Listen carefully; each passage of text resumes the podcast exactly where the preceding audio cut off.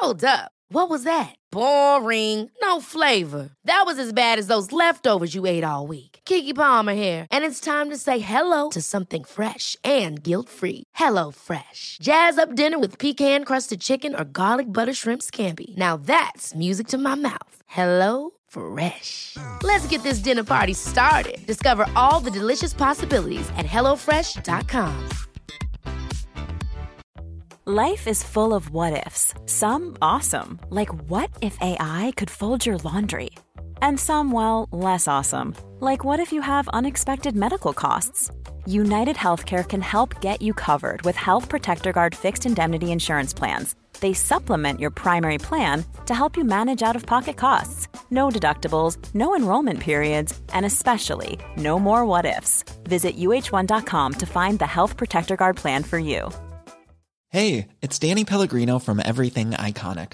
Ready to upgrade your style game without blowing your budget? Check out Quince. They've got all the good stuff shirts and polos, activewear, and fine leather goods, all at 50 to 80% less than other high end brands. And the best part? They're all about safe, ethical, and responsible manufacturing. Get that luxury vibe without the luxury price tag. Hit up quince.com slash upgrade for free shipping and 365 day returns on your next order. That's quince.com slash upgrade.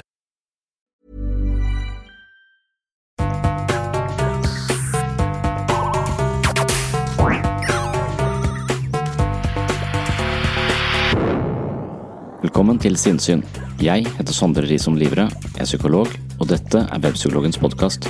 Hverdagspsykologi for fagfolk og folk flest.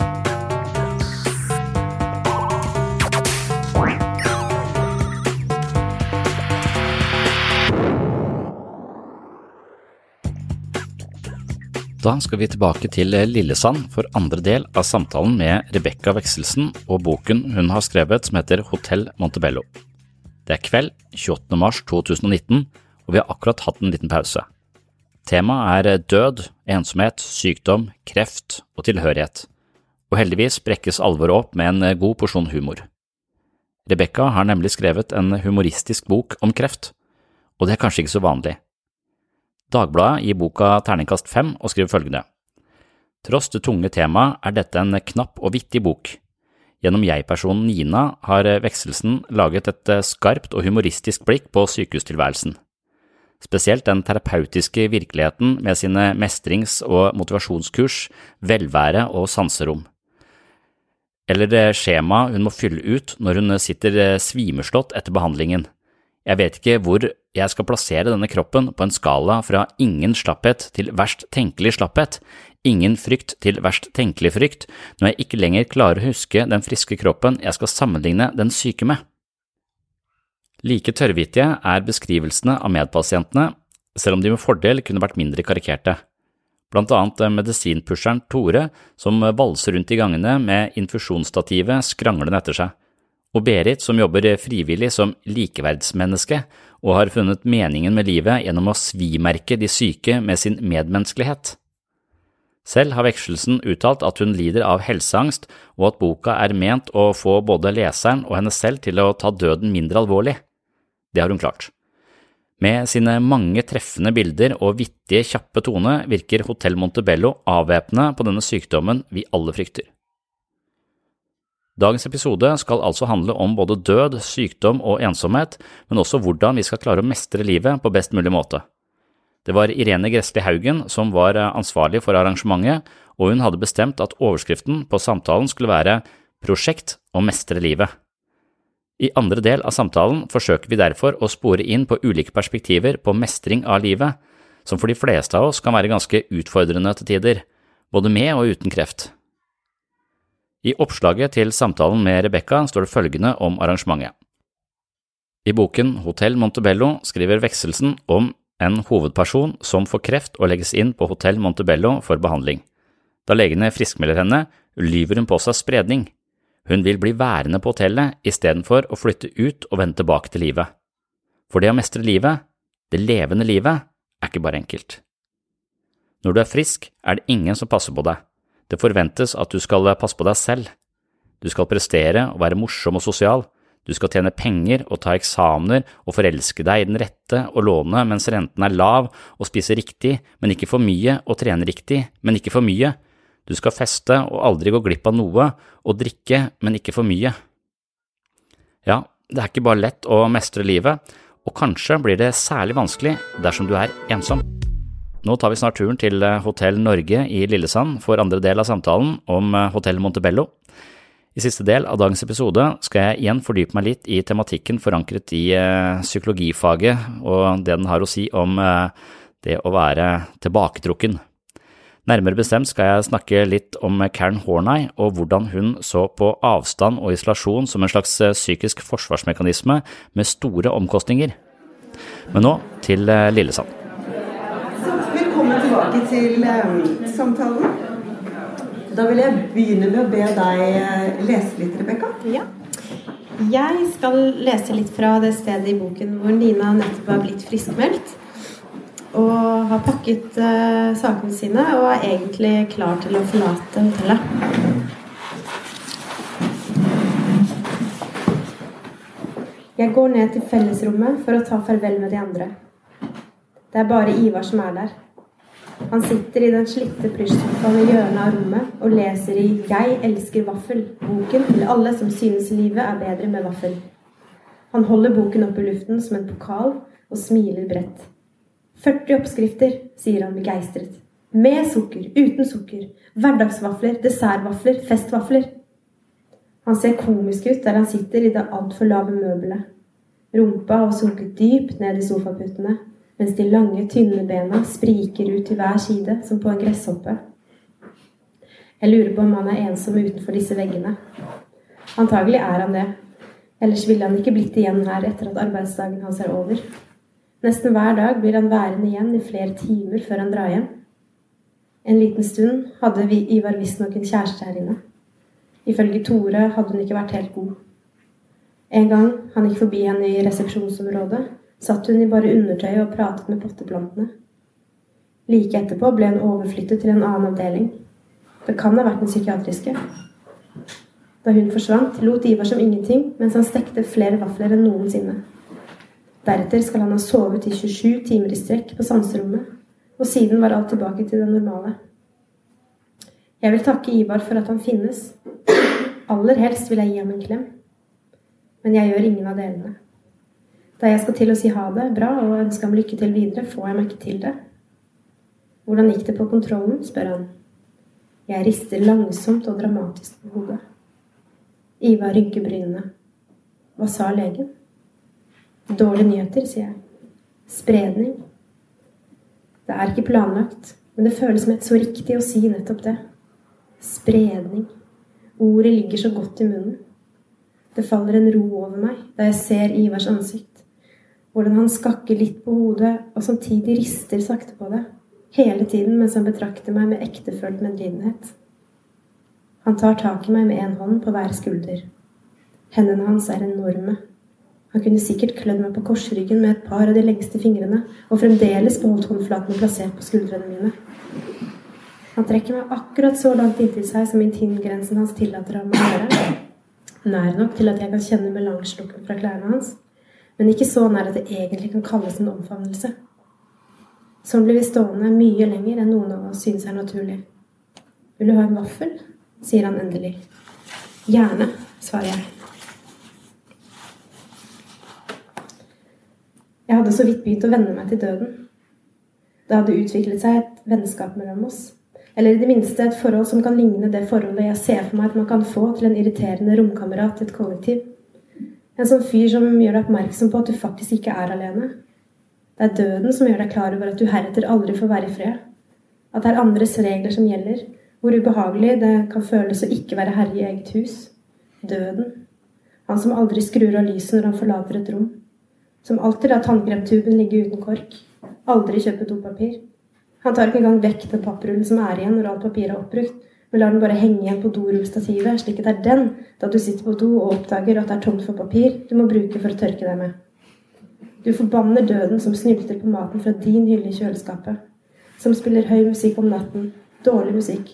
Som tar deg med tar med seg de lugubre kompisene sine på besøk uten å spørre deg først, og som aldri, aldri spør deg om hvordan du egentlig har det. Men da han plutselig og uten forvarsel tar med seg alle tingene sine og flytter ut, da han kun etterlater seg sølete skoavtrykk i gangen og hår i sluket, og selv om han stikker uten å betale sin del av den siste månedens husleie, da blir det så underlig stille etter ham. Så må man venne seg til livet igjen. Jeg vet ikke om jeg er klar for det ennå.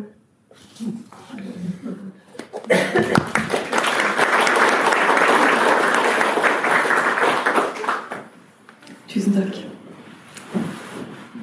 Det første jeg tenker vi skal gripe fatt i eh, fra det du leste nå, var dette her med ensomhet og det å bli sett. Eh, temaet er jo å mestre livet, og hvordan skal vi mestre den ensomheten som vi vel alle kan kjenne på til tider? Hva sier du, fagperson?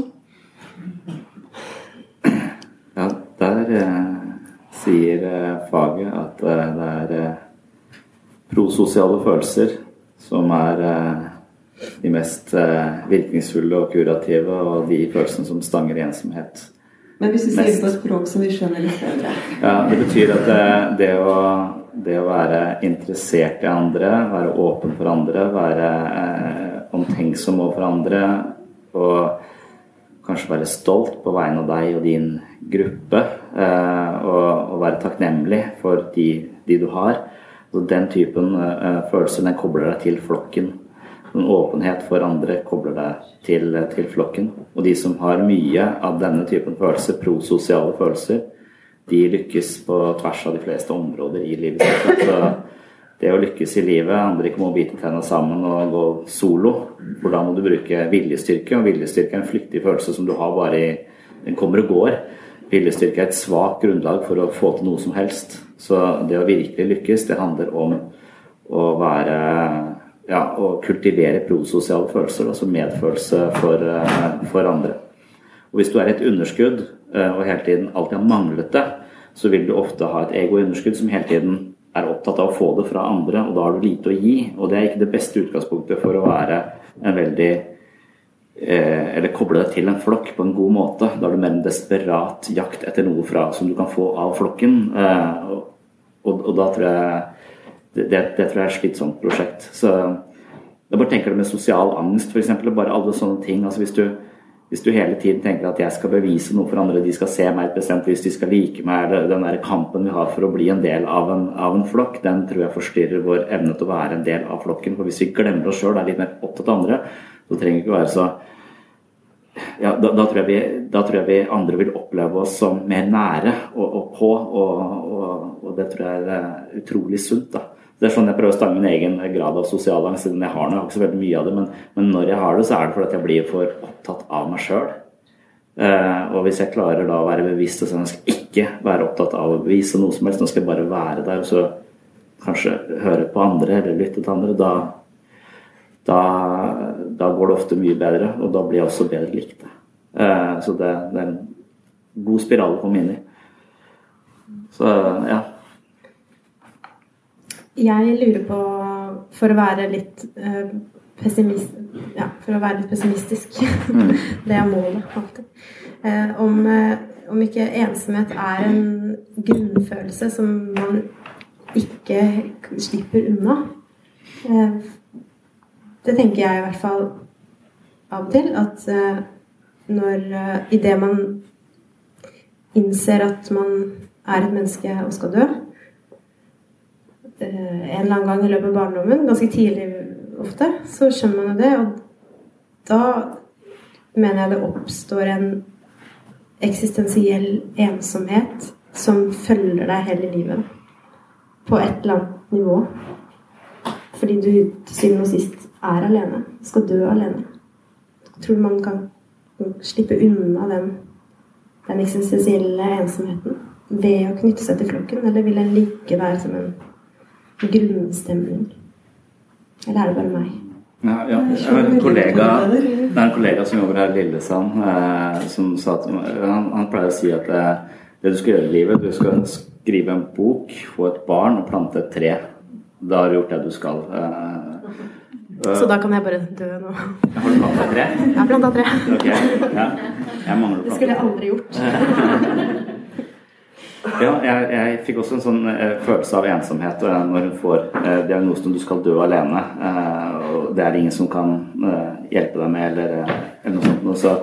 Så, så, så, så, det, det, det tror jeg nok ligger i bånn av de fleste. og Det er derfor det er en av våre eh, eksistensielle grunnvilkår, og som vi kanskje må møte da, eller må nærme oss for å, for å lære å leve med. Altså at det er det som er mm, livskunsten, er å lære seg å dø, på en måte. Eh, det er vel det sånt, sikkert noen språk som har sagt noe sånt nå, at det så, så, og, og, det er det jeg har strevd litt med sjøl. Altså, og jeg har ikke vært så nærme. Jeg de sier at du, alt du er redd for, skal du stirre i hvitøyet. Sånn men, men, jeg er usikker på det. Jeg tenker på døden. Det gjør meg bare stressa, så jeg må ta et glass whisky for å, for å slippe unna igjen. Eh, men, men ensom, ensomhet er også en sånn det, det er, jeg tror er mange typer ensomhet. Eh, og jeg tenker på meg selv at etter hvert som når jeg var uh, yngre, så var jeg sånn hypersosial, til tross for at jeg syns det er slitsomt å være sammen med mange mennesker over lengre tid. Uh, så, men, men, det var fordi at hvis ikke noen ser meg, så eksisterer jeg ikke. Så jeg var, visste jo ikke hvem jeg var, så jeg trengte andres blikk på, på, å, bli, på å eksistere. Og Det er sikkert derfor folk har Gud også. Det er et slags livsvitne. Noen som vet at du, du lever og, og kan bekrefte at du faktisk er til. Men etter hvert som du har hatt noen i livet ditt som har bekrefta at du er til, Eh, og eksisterer og har en betydning, så, eh, så, for meg så er det noe som jeg har i meg hele tiden. Det er noen objektrelasjoner, det kalles det ofte i psykologien at vi internaliserer de Alt som gjør oss til mennesker, er en slags internalisering av alle de gode relasjonene vi har hatt, som bor i meg. Så jeg føler meg sånn som det er nå, har jeg tenkt på etter jeg leste dette om jeg, så har jeg tenkt på at jeg føler meg aldri ensom. Det er fordi at jeg ikke er en, så jeg får aldri lov til å være alene. Jeg har tre barn. og eh, og jeg drømmer jo om å, å, på en måte ha et døgn for meg selv. Eh, så, men, men, men, likevel så, så, tenker jeg også at jeg er ikke, en spesielt sosial person. Men jeg er liksom, bare jeg kjører til byen, så tenker jeg ja, der er kontoret til han eh, som jeg ble kjent med for noen uker siden, som jeg ikke har snakket med igjen. Eller for noen måneder siden, så kanskje ikke si Men eh, akkurat som han satte et spor i meg, og jeg tror jeg satte et spor i han. Så det å sette spor i andre mennesker betyr at jeg er litt i andre mennesker. Det tror jeg om meg selv. Jeg tror at jeg kan sette spor i andre mennesker på en negativ måte, men også på en positiv måte, fordi at andre setter spor i meg. Og de sporene som er i meg av andre mennesker, de regulerer meg. De gir meg en sånn god følelse. Så selv om jeg ikke Bare de folka jeg møter på butikken som jobber der Selv om jeg, jeg, jeg liker ikke småprat og sånn, men jeg bare, de, de ser meg, og de, jeg ser de. Og så, ser på bussjåfører. De kjører rundt i byen 250 ganger, vinker til hverandre. Jeg tror det er bare for at jeg, jeg ser deg, du eksisterer. Og at det er noe veldig sånn uh, uh, Ja, også hvis vi kan ha det i oss hvis, ikke, hvis, vi er, hvis, vi legger ut noe på Facebook og vi ser nå må jeg ha likes for å, for å få det, men jeg, jeg tenker at det, er slitsomt da, da, hvis du må ha fysiske bevis på at du ikke er ensom.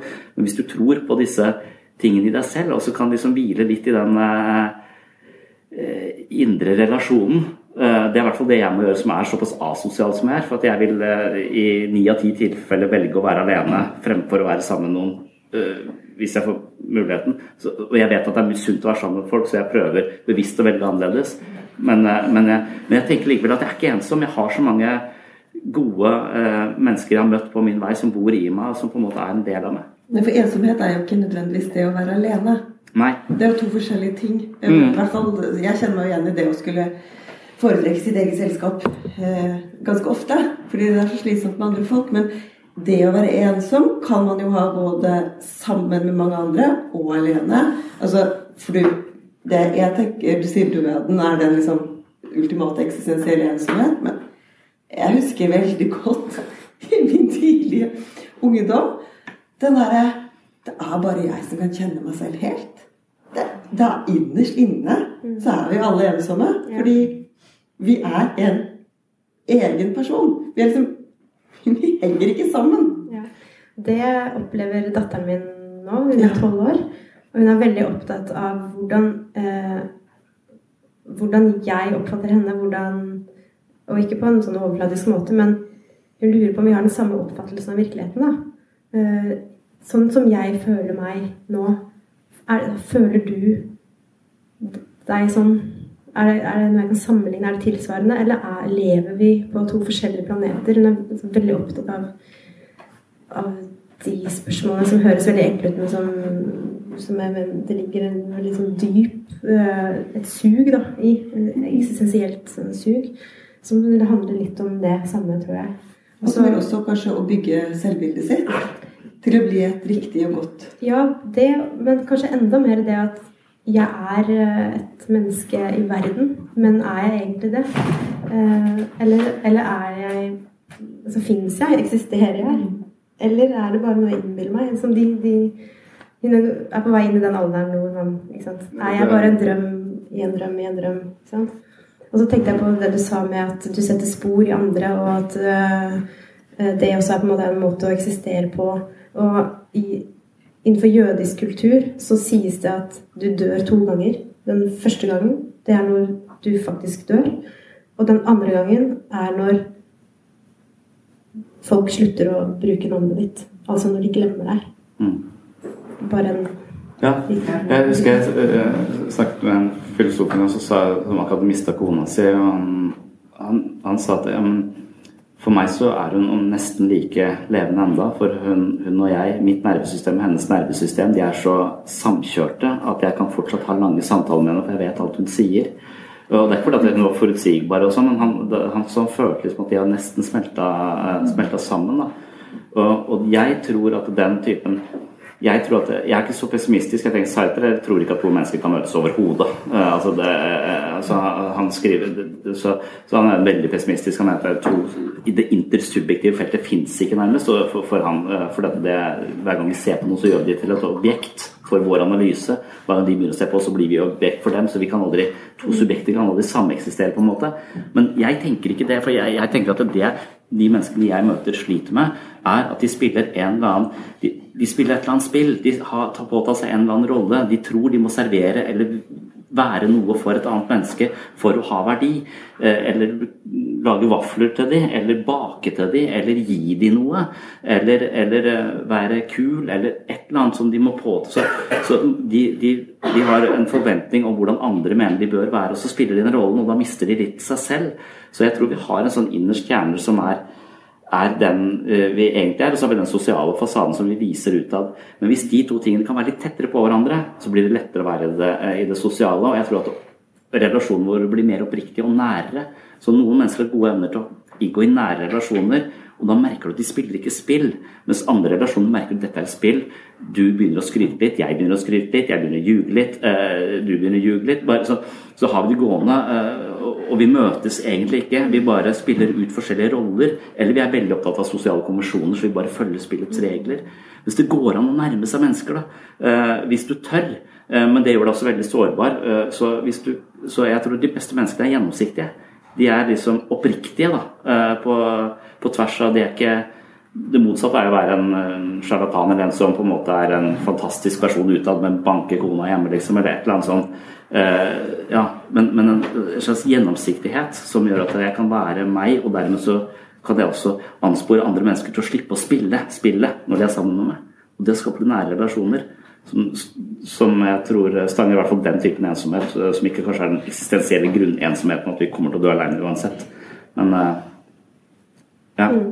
ja. Det er mulig jeg er litt uh, forutinntatt, men uh, jeg, jeg, tror jo at uh, menn oftere har den det, spiller det spillet enn en damer. Eller er det uinteressant? Er det, ja, ok, om menn spiller det spillet Ja, jeg tror ikke ja. jeg, jeg det, det er mulig at jeg er veldig sånn kjønnsforutinntatt nå, da, men jeg tenker at eh, damer er mye flinkere til å, til å ha de nære relasjonene. Det ja. hørtes veldig sånn mannemannaktig ut, det du beskrev med sosiale ja, ja, nå sier du det, og så sier jeg det, så skryter jeg av det. Og så. Ja, ok. Jeg tilhører de som tror at det er forskjell på menn og kvinner. Eh, eh, og det er jo eh, ikke lov å si. I, det var derfor jeg lurte på om jeg tråkket Nei, nei jeg, jeg, mener det er en forskjell på, eh, på, på, menn og kvinner. Og sånn evolusjonært sett så tror jeg altså det er fordi de mener at den fight-flight-responsen f.eks. er en mannlig respons. Og Hvis du er fysisk overlegen, så kan du angripe eller stikke av, for du løper fortere. Men hvis du er fysisk underlegen, så vil det å angripe noen eh, eller stikke av ikke være øh, så smart. For enten så tar de deg igjen, eller så banker de deg opp. Så da går du i frys? Nei, de går ikke nødvendig, men at overlevelsesmekanismen til kvinner handler om å samarbeide og skape gode relasjoner for å stå sammen mot en ytre fiende. Så de er relasjonelt orienterte på en annen måte enn det menn har måttet være relasjonelt orienterte. Eh, og dette at de også har hatt hovedansvaret for barnet, i hvert fall i den første, første fasen, skaper at det, så noen, det typiske er at kvinner tenker eh, horisontalt, mens menn tenker vertikalt. Da. Det er derfor ja. vi opplever menn som primitive. Ja, Men er jo primitivt også. Hva trenger du da? Trenger du å samarbeide og gode relasjoner? Trenger du å slå folk ned? Eh, vet ikke hva, hva, vårt samfunn eh, trenger mest av. Eh. Men for å lage gode relasjoner så må man jo ikke bare eh, være ærlig og sårbar, men man må også ha armer for å ta imot hverandre. Eh, hvordan kan man utvikle den tilliten til andre mennesker. Sånn at man kan, når noen kommer med seg til deg, at du stoler på den personen og tar den imot. I stedet for å bare bli litt hatefull og tenke at det er utrolig mye sminke på de øynene, og hvorfor skal det være så perfekt? Ja. Eh, jeg tror at eh, at mennesker med vonde erfaringer gjentar de erfaringene og kommer til å leve i det mønsteret med mindre de bevisst går inn for å gjøre noe med det. Altså De møter andre mennesker med masse mistillit, og det skaper avstand i seg selv. Så, så de, og Jeg tror ikke de ser det selv engang, men jeg tror de har en slags mistillit til andre, til andre mennesker. Eh, og da vil det også oppstå denne å, masse sminke, og de er dumme, eller de skjønner ingenting, de er overfladiske, eller de har ikke skjønt Eh, de har ikke møtt døden sånn som jeg har møtt døden, sånn som de på Hotell Montebello. Så det, de, du får denne avstanden, du skaper den avstanden eh, til dem. Eh, mens jeg tror eh, når de da eventuelt blir så ensomme at de har lyst til å dø, f.eks., eller eh, blir deprimerte og, sånn, for det å være deprimert og angst, det skaper både ensomhet, men det kan også forårsakes av ensomhet. Det er jo hovedsymptom, nærmest. Så hvis du da kommer i grupper av mennesker, sånn som de kommer på Hotell Montebello, eller på eh, en gruppeterapi sånn hvis vi klarer å være oppriktige og ærlige og åpne og skape en, en eh, egentlig ganske konfronterende, en oppriktig dialog sammen, og de ser at andre mennesker ligner meg. Eh, andre mennesker sliter med det samme. At du kan få se, at du kan bli kjent med mennesker på en litt dypere nivå. så Det er det som jeg opplever som er det mest positive for meg å være i gruppen. Jeg har vært i gruppeterapi i 14 år. på en måte, Så ser jeg at alle de menneskene jeg møter, ligner meg på et eller annet nivå. da. Uh, mens i utgangspunktet tenkte jeg åh, for en teit uh, type. Han er Nå må jeg bare Men jeg får betalt for det. Men etter hvert så lærer jeg meg å like det, Men det er aldri noen som har slutta aldri noen som har forlatt meg. Og jeg tenker tilbake at jeg, jeg likte ikke vedkommende. Eller hvis du klarer å komme forbi det og, Litt sånn som militæret. Det var noen her fra militæret. Altså, jeg ble tvunget inn på rom sammen med en gjeng med kålpærer jeg aldri hadde giddet å være sammen med, for det var overfladisk og dum da jeg var ung. Men så viste det seg at disse menneskene har ekstremt mye både likheter med meg, men også mye dybde som jeg syns var helt fantastisk å bli kjent med. Så det å, å skape Være i et miljø som er åpent og og ærlig, det tror jeg kan Jeg tror miljøer har gravitasjonspunkter for hvor gode de er for mennesker. Det fins masse drittgrupper eh, som du kan være inne i, og da blir du da skaper det avstand, ensomhet og sosiale spill. Og så finnes det åpne og nære grupper som kan løfte mennesker som er i utgangspunktet er veldig skeptiske og sånn, og si at ja, jeg ligner disse litt, og så kan de på en måte tides, fordi at denne gruppa har et høyere gravitasjonspunkt for åpenhet og nærhet og ærlighet og oppriktighet enn de andre grupper har. Hva tenker du om den gruppa på Hotell Montebello, Rebekka? Jeg tenker at øh, alle der har et behov for å være der. At uh, de er liksom skadeskutt gjeng, da. Eh, som, som har funnet en mening med, i det fellesskapet. Og at det, og det er litt sånn mikrosamfunn også. men at ja, uansett hvilket miljø det er, om det er et, ute i det normale samfunnet, eller om det er eh, på en folkehøyskole, eller om det er på et sykehus, så, så handler det om, som sier, da, å finne flokken sin. Um, og det er jo litt uh, Du snakker om militæret. Jeg, har gått på folkehøyskole, og det, det er kanskje litt som å være i militæret. Jeg tror også det er litt som å være innlagt veldig, veldig lenge. Fordi du, du blir sånn institusjonalisert på en måte som føles veldig behagelig, men som jeg tror også er litt usunn. Fordi du som vasset rundt i joggebukse i et år. Jeg så ikke på nyheter på et helt år. Jeg spiste mat i kantinen sammen med de samme 59 andre menneskene. Og snakket ikke med andre enn dem. Og det, Hva var tema på den folkehøgskolen? Um, jeg gikk på musikklinje. Det var, det var, um, det var mange forskjellige linjer der, men, men, men, det blir jo et sånt uh, Det blir et lite samfunn som føles veldig, veldig, veldig tett og sterkt og viktig.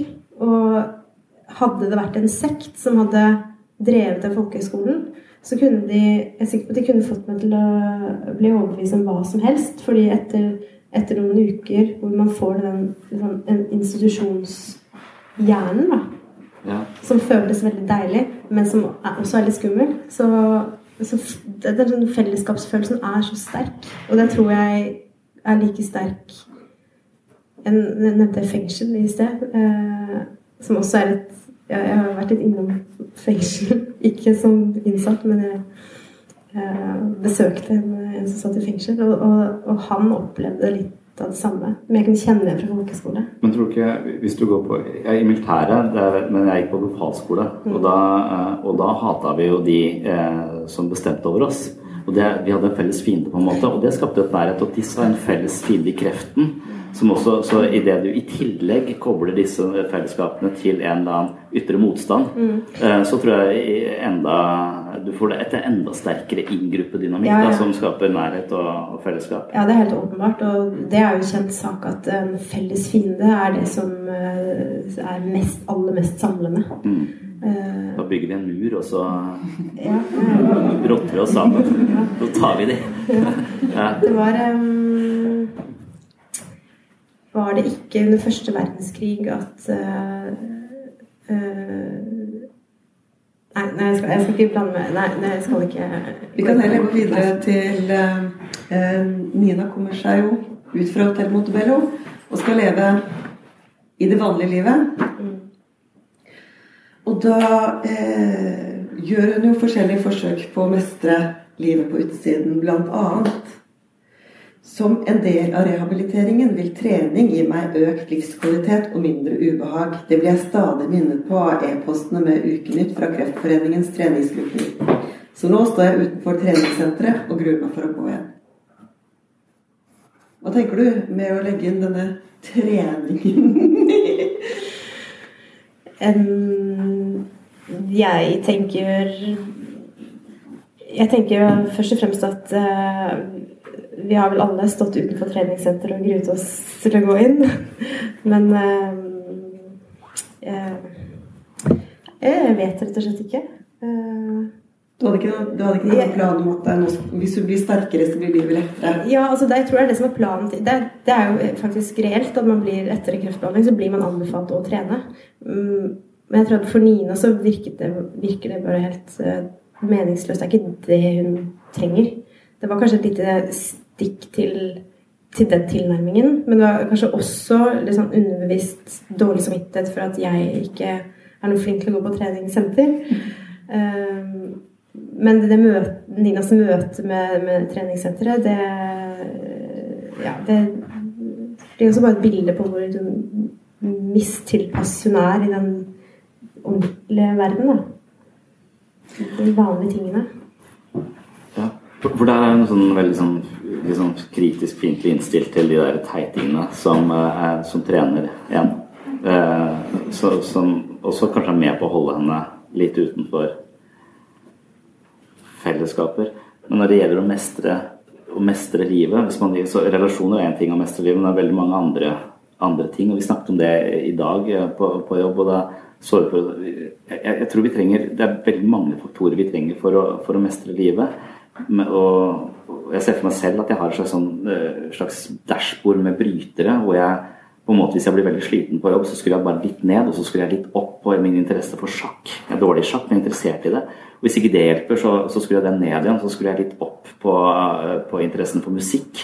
Og så, og så, sånn at jeg skaper balanse. Mens jeg tror mange, når de tenker at noen er veldig sliten på jobb, slutter med noe, men glemmer å skru opp et annet sted. Sånn at de bare tar vekk ting som de opplever gjør dem slitne, istedenfor å fylle på med noe annet. Og jeg tror kapasitet er en treningssak. Så jeg tror at kapasiteten din synker dramatisk med en gang du slutter med noe som f.eks. hvis du faller ut av jobb da, eh, og blir gående hjemme, så, så, så tror jeg kapasiteten din går ganske raskt veldig langt ned.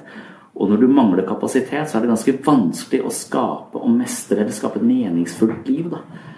Så, eh, så når, når på en måte medisinen for en del plager i livet er å, å, bare tas ut av arbeidslivet, f.eks., så, eh, eh, så, så, så, tror jeg det ofte skaper mer både ensomhet og mindre livsmestring på, på, på lengre sikt. Og jeg tror de menneskene som har mange knapper og de kan justere på, de er de som lever best. Men det å lage disse knappene det krever også ganske mye engasjement og interesse og iver. Du må, du må våge å investere i noe, men orke å investere i noe. For disse knappene kommer ikke av seg sjøl. Du må liksom skape de. Og, og, når du ligger langt nede og er deprimert, og sånn, så er det veldig vanskelig å lage seg nye områder som du kan bruke for å, for å skape en meningsfullt liv. Da. Og da må man alltid tvinge seg til det. Og jeg tror trening er For meg så er trening dritkjedelig, men jeg hører på lydbok samtidig. Så, eh, så, så jeg vet at trening må alltid stå på den, den, den nivået den gjør nå. Hvis jeg skrur det ned, så går det ofte litt dårligere med meg. Eh, så jeg er ikke sånn superivrig. For noen skrur treninga helt opp og begynner med crossfit, og så gjør det til en, til en sekt i livet og bruker all sin tid på det. If you thought the only way to get a more defined jawline with natural looking results was through surgery, think again. Juvederm Volux XC is a non surgical injectable gel filler that improves moderate to severe loss of jawline definition and can help you achieve natural looking results with little downtime. Even better, this improved definition lasts up to one year with optimal treatment. No maintenance required. Improve jawline definition for a smooth, sculpted look with Juvederm Volux XC. For important safety information and to find a licensed specialist, visit juvederm.com. That's J U V E D E R M.com. Not for people with severe allergic reactions, allergies to lidocaine, or the proteins used in Juvederm. Common side effects include injection site redness, swelling, pain, tenderness, firmness, lumps, bumps, bruising, discoloration, or itching. There's a risk of unintentional injection into a blood vessel, which can cause vision abnormalities, blindness, stroke, temporary scabs, or scarring. Talk to a licensed specialist specialist to find out if it's right for you. One size fits all seemed like a good idea for clothes. Nice dress. Uh, it's a it's a t-shirt. Until you tried it on. Same goes for your health care. That's why United Healthcare offers a variety of flexible, budget friendly coverage for medical, vision, dental, and more. So, whether you're between jobs, coming off a parent's plan, or even missed open enrollment, you can find the plan that fits you best. Find out more about United Healthcare coverage at uh1.com. That's uh1.com. Ever catch yourself eating the same flavorless dinner three days in a row? Dreaming of something better? Well, HelloFresh is your guilt free dream come true, baby. It's me, Gigi Palmer. Let's wake up those taste buds with hot, juicy pecan crusted chicken or garlic butter shrimp scampi. Mm. Hello Fresh. Stop dreaming of all the delicious possibilities and dig in at HelloFresh.com. Let's get this dinner party started.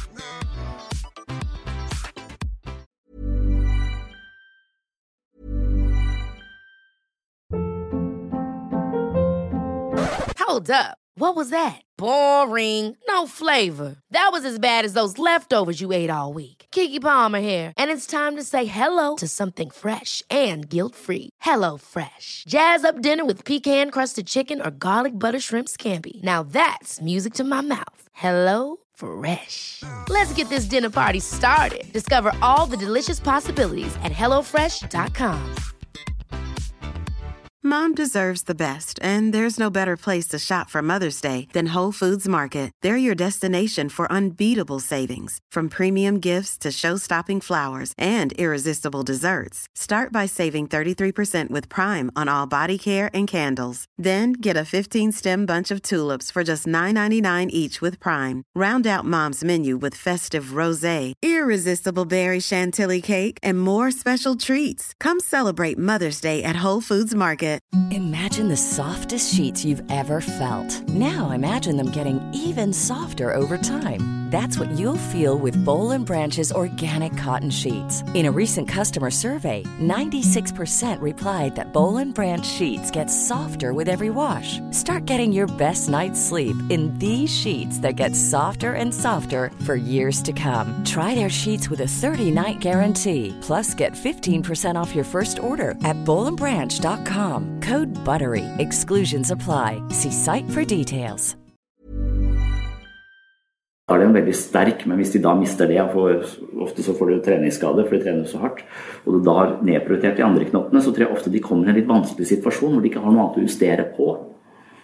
Eh, Så det å spesialisere seg er litt skeptisk til. Jeg tror man må være Må gå bredt ut. Gå bredt ut, føler jeg. Ja.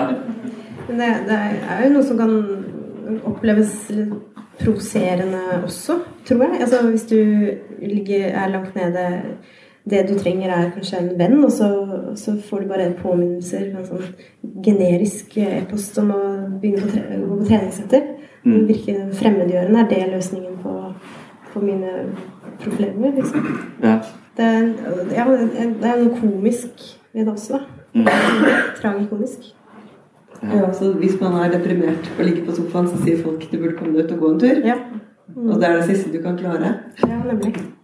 Men samtidig, hvis hun hadde gått ut, så hadde kanskje Kan hende det hadde hjulpet, men å komme seg ut av den Men hva, hva gjør en god venn lurer jeg, når, eh, når, når da venninna di ligger på sofaen og er deprimert, og du har lest i en bok at det er lurt å gå tur, men hun vil ikke. Og du har lest i en bok at det mest antidepressive som finnes er trening, men hun vil ikke. Og du har lest at det å spise masse smågodt forsterker depresjonen, og det gjør hun. Og så, Og så kommer du på og peker deg, så blir det bare enda verre. ja, men, se, nei, men jeg orker ikke, jeg klarer ikke, jeg er så deprimert. Altså, men en god venn ville kanskje tatt med seg pistol og sagt at hvis ikke du blir med, så skyter jeg deg i beinet.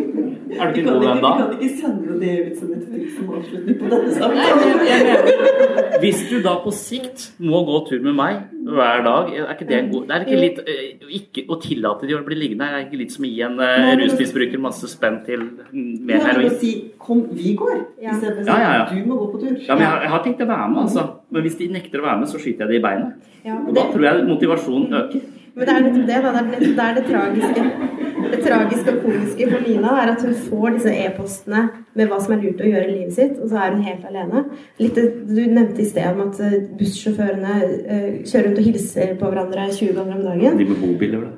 Ikke sant? Mm. Men så blir jo flere og flere ting automatisert. Det blir eh, billettautomater i stedet for å, å kjøpe billett en uke. Mm. Kanskje det er den eneste menneskelige kontakten man har da, i løpet av en dag, å få Mm. slå en prat med, med en serviceperson.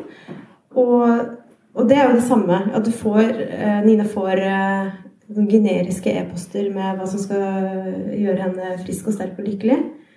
Men det er jo en tomhet og en hulhet i det. Hadde hun hatt en venn som hadde sagt nå går vi og eh, løper i skogen, hadde det vært en helt annen ting. For Nina blir dette bare en fremmedgjørende, provoserende Ja. tips. Og, og, det, og, det, er- den, og det, For det hun eh, er jo ikke så god på å ha gode venner. Eh, sånn sett. Så, eh, så det er også et slags dilemma her at når jeg møter mennesker som, som, som og det er vanlig at folk sier alle vennene mine forlater meg, ingen gidder å ringe meg lenger. Alle, sånn, så, så, så, så er det vel fordi du er en belastning, da, tenker jeg. Eh, og, og, og, og, og da kan vi jo ikke begynne å ringe rundt til vennene dine og si at de må skjerpe seg og ta seg litt sammen og bruke litt mer tid på deg, for da blir du en case. Og det vil du ikke være. Du vil være en som folk velger, og da må du på en måte gå all, Hvis det betyr mye for dem, så gå all in for å finne ut av hvordan blir jeg en venn som folk velger. Og det er vel det vi skal Det er vel eh, det viktigste å hjelpe folk med. Ja. Det har jeg ikke tenkt på, men det var jo litt sånn øh, sjokkerende innsikt jeg fikk nå, da. At kanskje det er Ninas egen feil. Det har ikke slått meg før. Men hun får jo SMS-er fra folk og velger å svare med enstavelsesord og bare små bokstaver. Så eh, jeg beklager, men denne tiden har løpt så fryktelig fort, så vi er kommet mot slutten. Så det oppsummerer vi med, å, eh, med dine ord om at vi må prøve å være den vennen som noen velger. Så ta imot folk som tar kontakt med oss. Skyte dem hvis de ikke det. Være gode venner mot hverandre. og være rause med oss selv og med andre. Takk til deg, Rebekka. Takk til deg, Sondre. Og takk til dere som kom. Tusen takk. var det Irene Gressli Haugen, Rebekka Vekselsen og meg selv i samtale om Hotell Montebello. Nå går vi over til det siste segmentet i denne episoden, og nå skal det altså handle om mennesker som trekker seg unna og isolerer seg. Det skal handle om de som føler seg utenfor og annerledes, og hvordan denne følelsen motiverer isolasjon og tilbaketrekning, som igjen er hovedingrediensene i mange psykiske lidelser. Vi skal til den tyske psykoanalytikeren Karen Horney og hennes forståelse av menneskers utvikling og psykologiske behov. Karen Horney døde i 1952, men etterlot seg en betydelig teoretisk arv som psykologifaget fremdeles nyter godt av. Blant annet utviklet hun en liste på ti punkter over menneskets psykologiske behov. Disse ti behovene er basert på ting som hun trodde at alle mennesker trenger for å lykkes i livet. Hornay endret disse behovene noe for å tilpasse de forståelsen av den enkelte pasienten. Hun snakker om nevrotiske personer, og tenkte seg at nevrotiske karaktertrekk handlet om en eller annen mangel eller konflikt i forhold til ett eller flere av våre psykologiske behov. En nevrotisk person kan teoretisk sett lide av en form for underskudd ved alle disse behovene, men i praksis må færre enn de ti være til stede for at en person skal betraktes som nevrotisk. Behovene er på sett og vis noe vi tilstreber for å mestre livet og vinne en form for psykologisk balanse, men på grunn av konflikter eller traumer i oppveksten utvikler vi destruktive metoder som potensielt sett fungerte som en slags beskyttelse i barndommen, men senere i livet blir den samme metoden noe som ødelegger for oss. Jeg vil kort nevne listen over de ti behovene som er beskrevet av Karen Horney. Det første punktet er behov for kjærlighet og anerkjennelse. Mennesker har behov for å tilfredsstille andre for å bli likt av dem. Punkt to, behovet for en partner. Vi har behov for en som vi kan elske og en som støtter oss i vanskeligheter. Det er innbakt et behov for en relasjon som veier tyngre enn vanlig vennskap, og en person som vi på sett og vis innbiller oss at kan løse alle våre problemer. Punkt tre handler om at mennesket også har behov for makt. Det innebærer evnen til å få det som man vil, evnen til å bøye eller påvirke andres vilje og oppnå kontroll over andre. Her er det snakk om selvhevdelse og selvmarkering og følelsen av en viss eh, ja, kontroll. Punkt fire, der skriver Karen Horney at et behov for å utnytte andre også er til stede hos mennesker. Det handler om å få mest mulig ut av dem. Her risikerer man å bli manipulerende under en eh, forestilling om at folk er der bare for å bli brukt. De som har barn, kjenner kanskje igjen denne tendensen i en kravstor treåring. Dette behovet kommer i konflikt med andre behov av mer prososial karakter. Punkt fem er behovet for sosial anerkjennelse, prestisje og det å være i rampelyset. Det handler om å bli sett og applaudert. Punkt seks er i samme familie og handler om behovet for å bli beundra. Det handler om å bli beundra både for indre og ytre kvaliteter, og rett og slett bli verdsatt.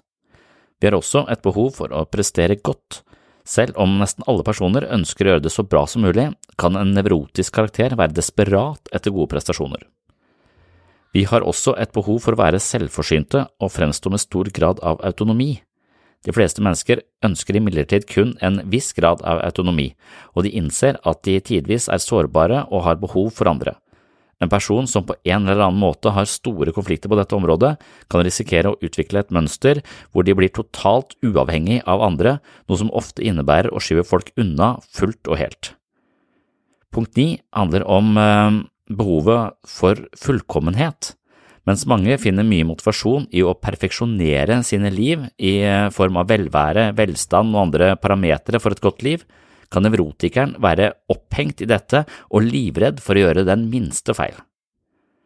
Punkt ti, også det siste punktet, er behovet for å lage gode rammer eller begrensninger for sitt eget liv. Det handler mye om kontroll og forutsigbarhet og suksess innenfor de rammene man har satt eh, seg fore.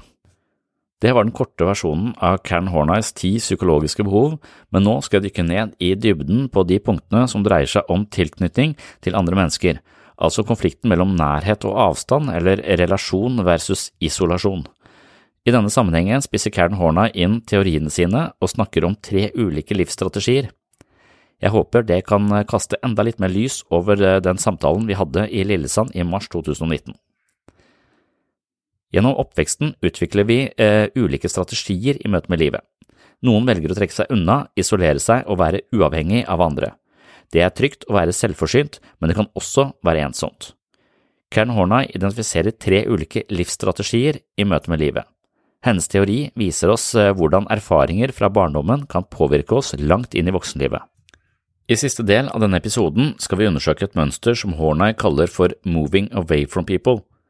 Istedenfor å jobbe hardt for å høre til eller eh, krige for å vinne kontroll og føle seg trygg, har denne type mennesker opplevd at eh, forholdet mellom dem og andre har vært for tett. Her er det ikke nødvendigvis snakk om et bråkete og utrygt oppvekstmiljø, men en oppvekst preget av overinvolvering og barn som ikke får den distansen til sine foreldre som trengs for å utvikle autonomi og individualitet. Når det gjelder romanen til eh, Rebekka Vekselsen, altså Hotell Montebello, så har Nina en mor som kanskje har disse tendensene. Nina vegrer seg for å ringe til moren fordi hun eh, ikke egentlig orker alt det moren kommer til å føle og alle de forslagene moren kommer til å ha, og hun er sannsynligvis redd for at moren kommer til å påstå at kreft det er noe man får hvis man har levd feil på en eller annen måte, enten man har spist feil eller trent for lite eller vært for stressa, så hun er en slags um, selvutviklingsguru som uh, ofte gir enkeltmennesker skylda for alt mulig rart, og det skal man være litt forsiktig med når det gjelder denne selvhjelpssjangeren. Det har vært tema i tidligere episoder her på, på sinnssyn, men man kan få en slags fornemmelse av at moren til Nina kanskje har en eh, slags overinvolverende tendens som gjør at eh, Nina trenger litt avstand og holder seg unna. Når det gjelder moving away from people, sånn Horneye beskriver det, så vil denne typen mennesker flykte inn i en hemmelig verden av leker, bøker og håp for fremtiden. Nina hun flykter etter alt å dømme ut i verdensrommet, hun er veldig opptatt av astrofysikk og måner og ting som ligger langt, langt unna. Når familie og omsorgspersoner er for tett på, er fantasien det eneste stedet de kan være i fred. Som voksne har disse menneskene en sterk trang til isolasjon og avstand. De ønsker å koble seg ut av den sosiale tilværelsen på en måte som er kvalitativt annerledes enn de som bare ønsker litt fred og ro eller koble av i eget selskap for å hente seg inn. Denne typen tilbaketrekning er også annerledes enn den som relaterer seg til følelsesmessige forbindelser. Mange er redde for å involvere seg emosjonelt i en konflikt eller et kjærlighetsforhold, og velger derfor å holde en viss avstand, mens her er det snakk om eh, en mye mer grunnleggende form for tilbaketrekning. Denne personlighetstypen, kan man si, Eh, kan likevel komme godt overens med andre på en overfladisk måte så lenge den magiske sirkelen rundt deres private sfære ikke blir brutt. Ofte tilstreber de å leve så simpelt som mulig for å unngå å gjøre seg avhengig av andre. Å være avhengig av andre vil de oppleve som et katastrofalt kontrolltap. De ønsker å være både fysisk og psykisk selvforsynte så langt det lar seg gjøre. Enkelte føler at de er overlegne andre, på grunn av følelsen av å være et uh, hakk over folk flest, er den typen livredde for å tvinges inn i en eller annen form for gruppe. De hater situasjoner som krever at de er selskapelige, og de frykter å havne i sosiale settinger som krever småprating om vær og vind. Det er altså en ganske asosial type, som i tillegg har denne litt sånn uh, nedlatende holdningen overfor uh, verden rundt dem.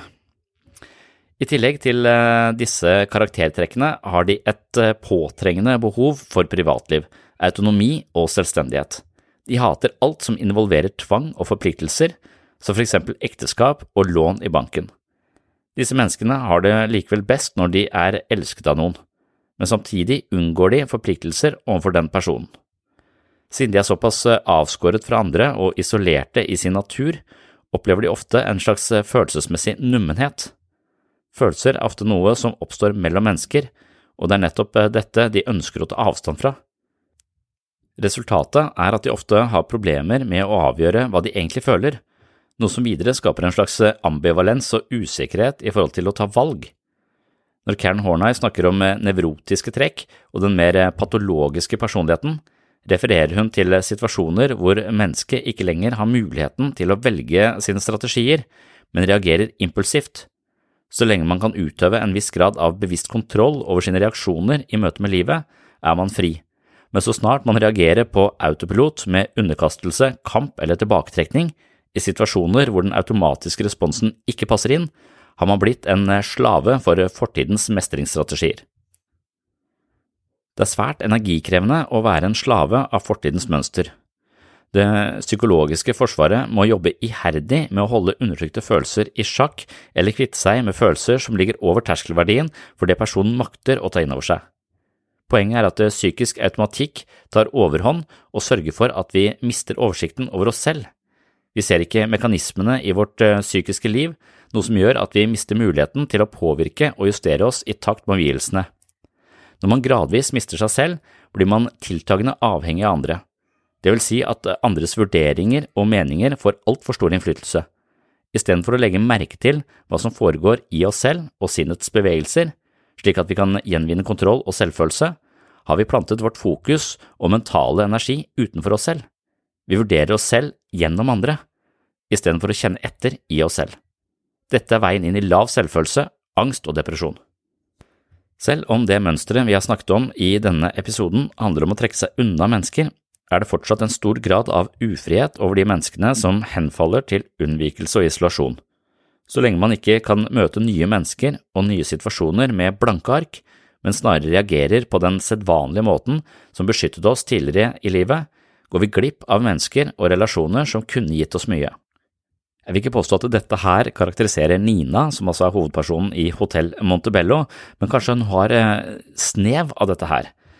Eh, vi møter i alle fall en uh, ung dame som ofte ser med litt kritisk blikk på menneskene rundt seg. I alle fall så har vi en fortellerstemme her som er litt sånn nedlatende overfor folk som trener, eller folk som er på Facebook, eller folk som er sosiale, og den antipatien hun på en måte beskriver omgivelsene med, kan kanskje være med på å legitimere hennes tilbaketrekning og isolasjon. Og når Nina da tvinges inn i et miljø med folk som har samme diagnose som henne selv, og kommer eh, ganske tett på folk, så opplever hun en nærhet hun kanskje ikke har eh, opplevd i samme grad tidligere i livet, og det opplever hun som godt. Og kanskje er det derfor, når hun da får eh, vite at hun er frisk, ikke ønsker å være frisk, men faker at hun har spredning og fortsatt er syk for å bli værende på Hotell Montebello. Og det er kanskje forståelig hvis dette er en av de næreste og beste relasjonene hun har hatt, den beste flokken hun har tilhørt, så har det gitt henne veldig mye i en vanskelig fase i livet, men nå som hun er frisk, må hun da kanskje tilbake til de mer overfladiske relasjonene hun har opplevd i livet utenfor. Så på mange måter så er det veldig forståelig at hun vil være igjen, men på den annen side så kan det hende at denne erfaringen hun har gjort seg på innsiden, altså inne sammen med de andre medpasientene på hotellet, kan være noe hun kan ta med seg ut i livet eh, for øvrig og skape kanskje litt nærere og mer åpne relasjoner til nye mennesker i tiden fremover. Det vil være, være en ganske hyggelig avslutning på, på boka, men det er ikke akkurat sånn den eh, avsluttes. Dersom du mistenker at du sliter med et negativt livsmønster, er det en del ting du kan gjøre på egen hånd. Kanskje har du allerede startet en prosess ved å høre denne podkasten. Ønsker du å jobbe mer med egne livsmønstre, finner du en link som heter personlighetstest på webpsykologen.no. Det er eh, både en test, men også en eh, trinn for trinn-veileder i forhold til å bryte ut av negative mønster og bli fri i hermetegn. Det er ikke alltid like lett å skape forandringer i eget liv, ettersom det krever mye innsats og iherdig arbeid, men denne prosessen kan også være veldig spennende og lærerik. Som regel er det en investering du vil eh, få tilbake i rikt monn. Det var også da siste del av denne episoden. Dette segmentet var delvis hentet fra boken som heter eh, Selvfølelsens psykologi. Det er den første boken jeg skrev, og det er ment som en eh, slags tilgjengelig innfallsvinkel til ulike psykologiske teorier og hvordan de kan anvendes til å skape endringer i eget liv. Er du mer interessert i filosofi, psykologi og menneskets muligheter for vekst og utvikling, håper jeg at du klikker deg inn på webpsykologen.no og kjøper én eller flere av bøkene mine der.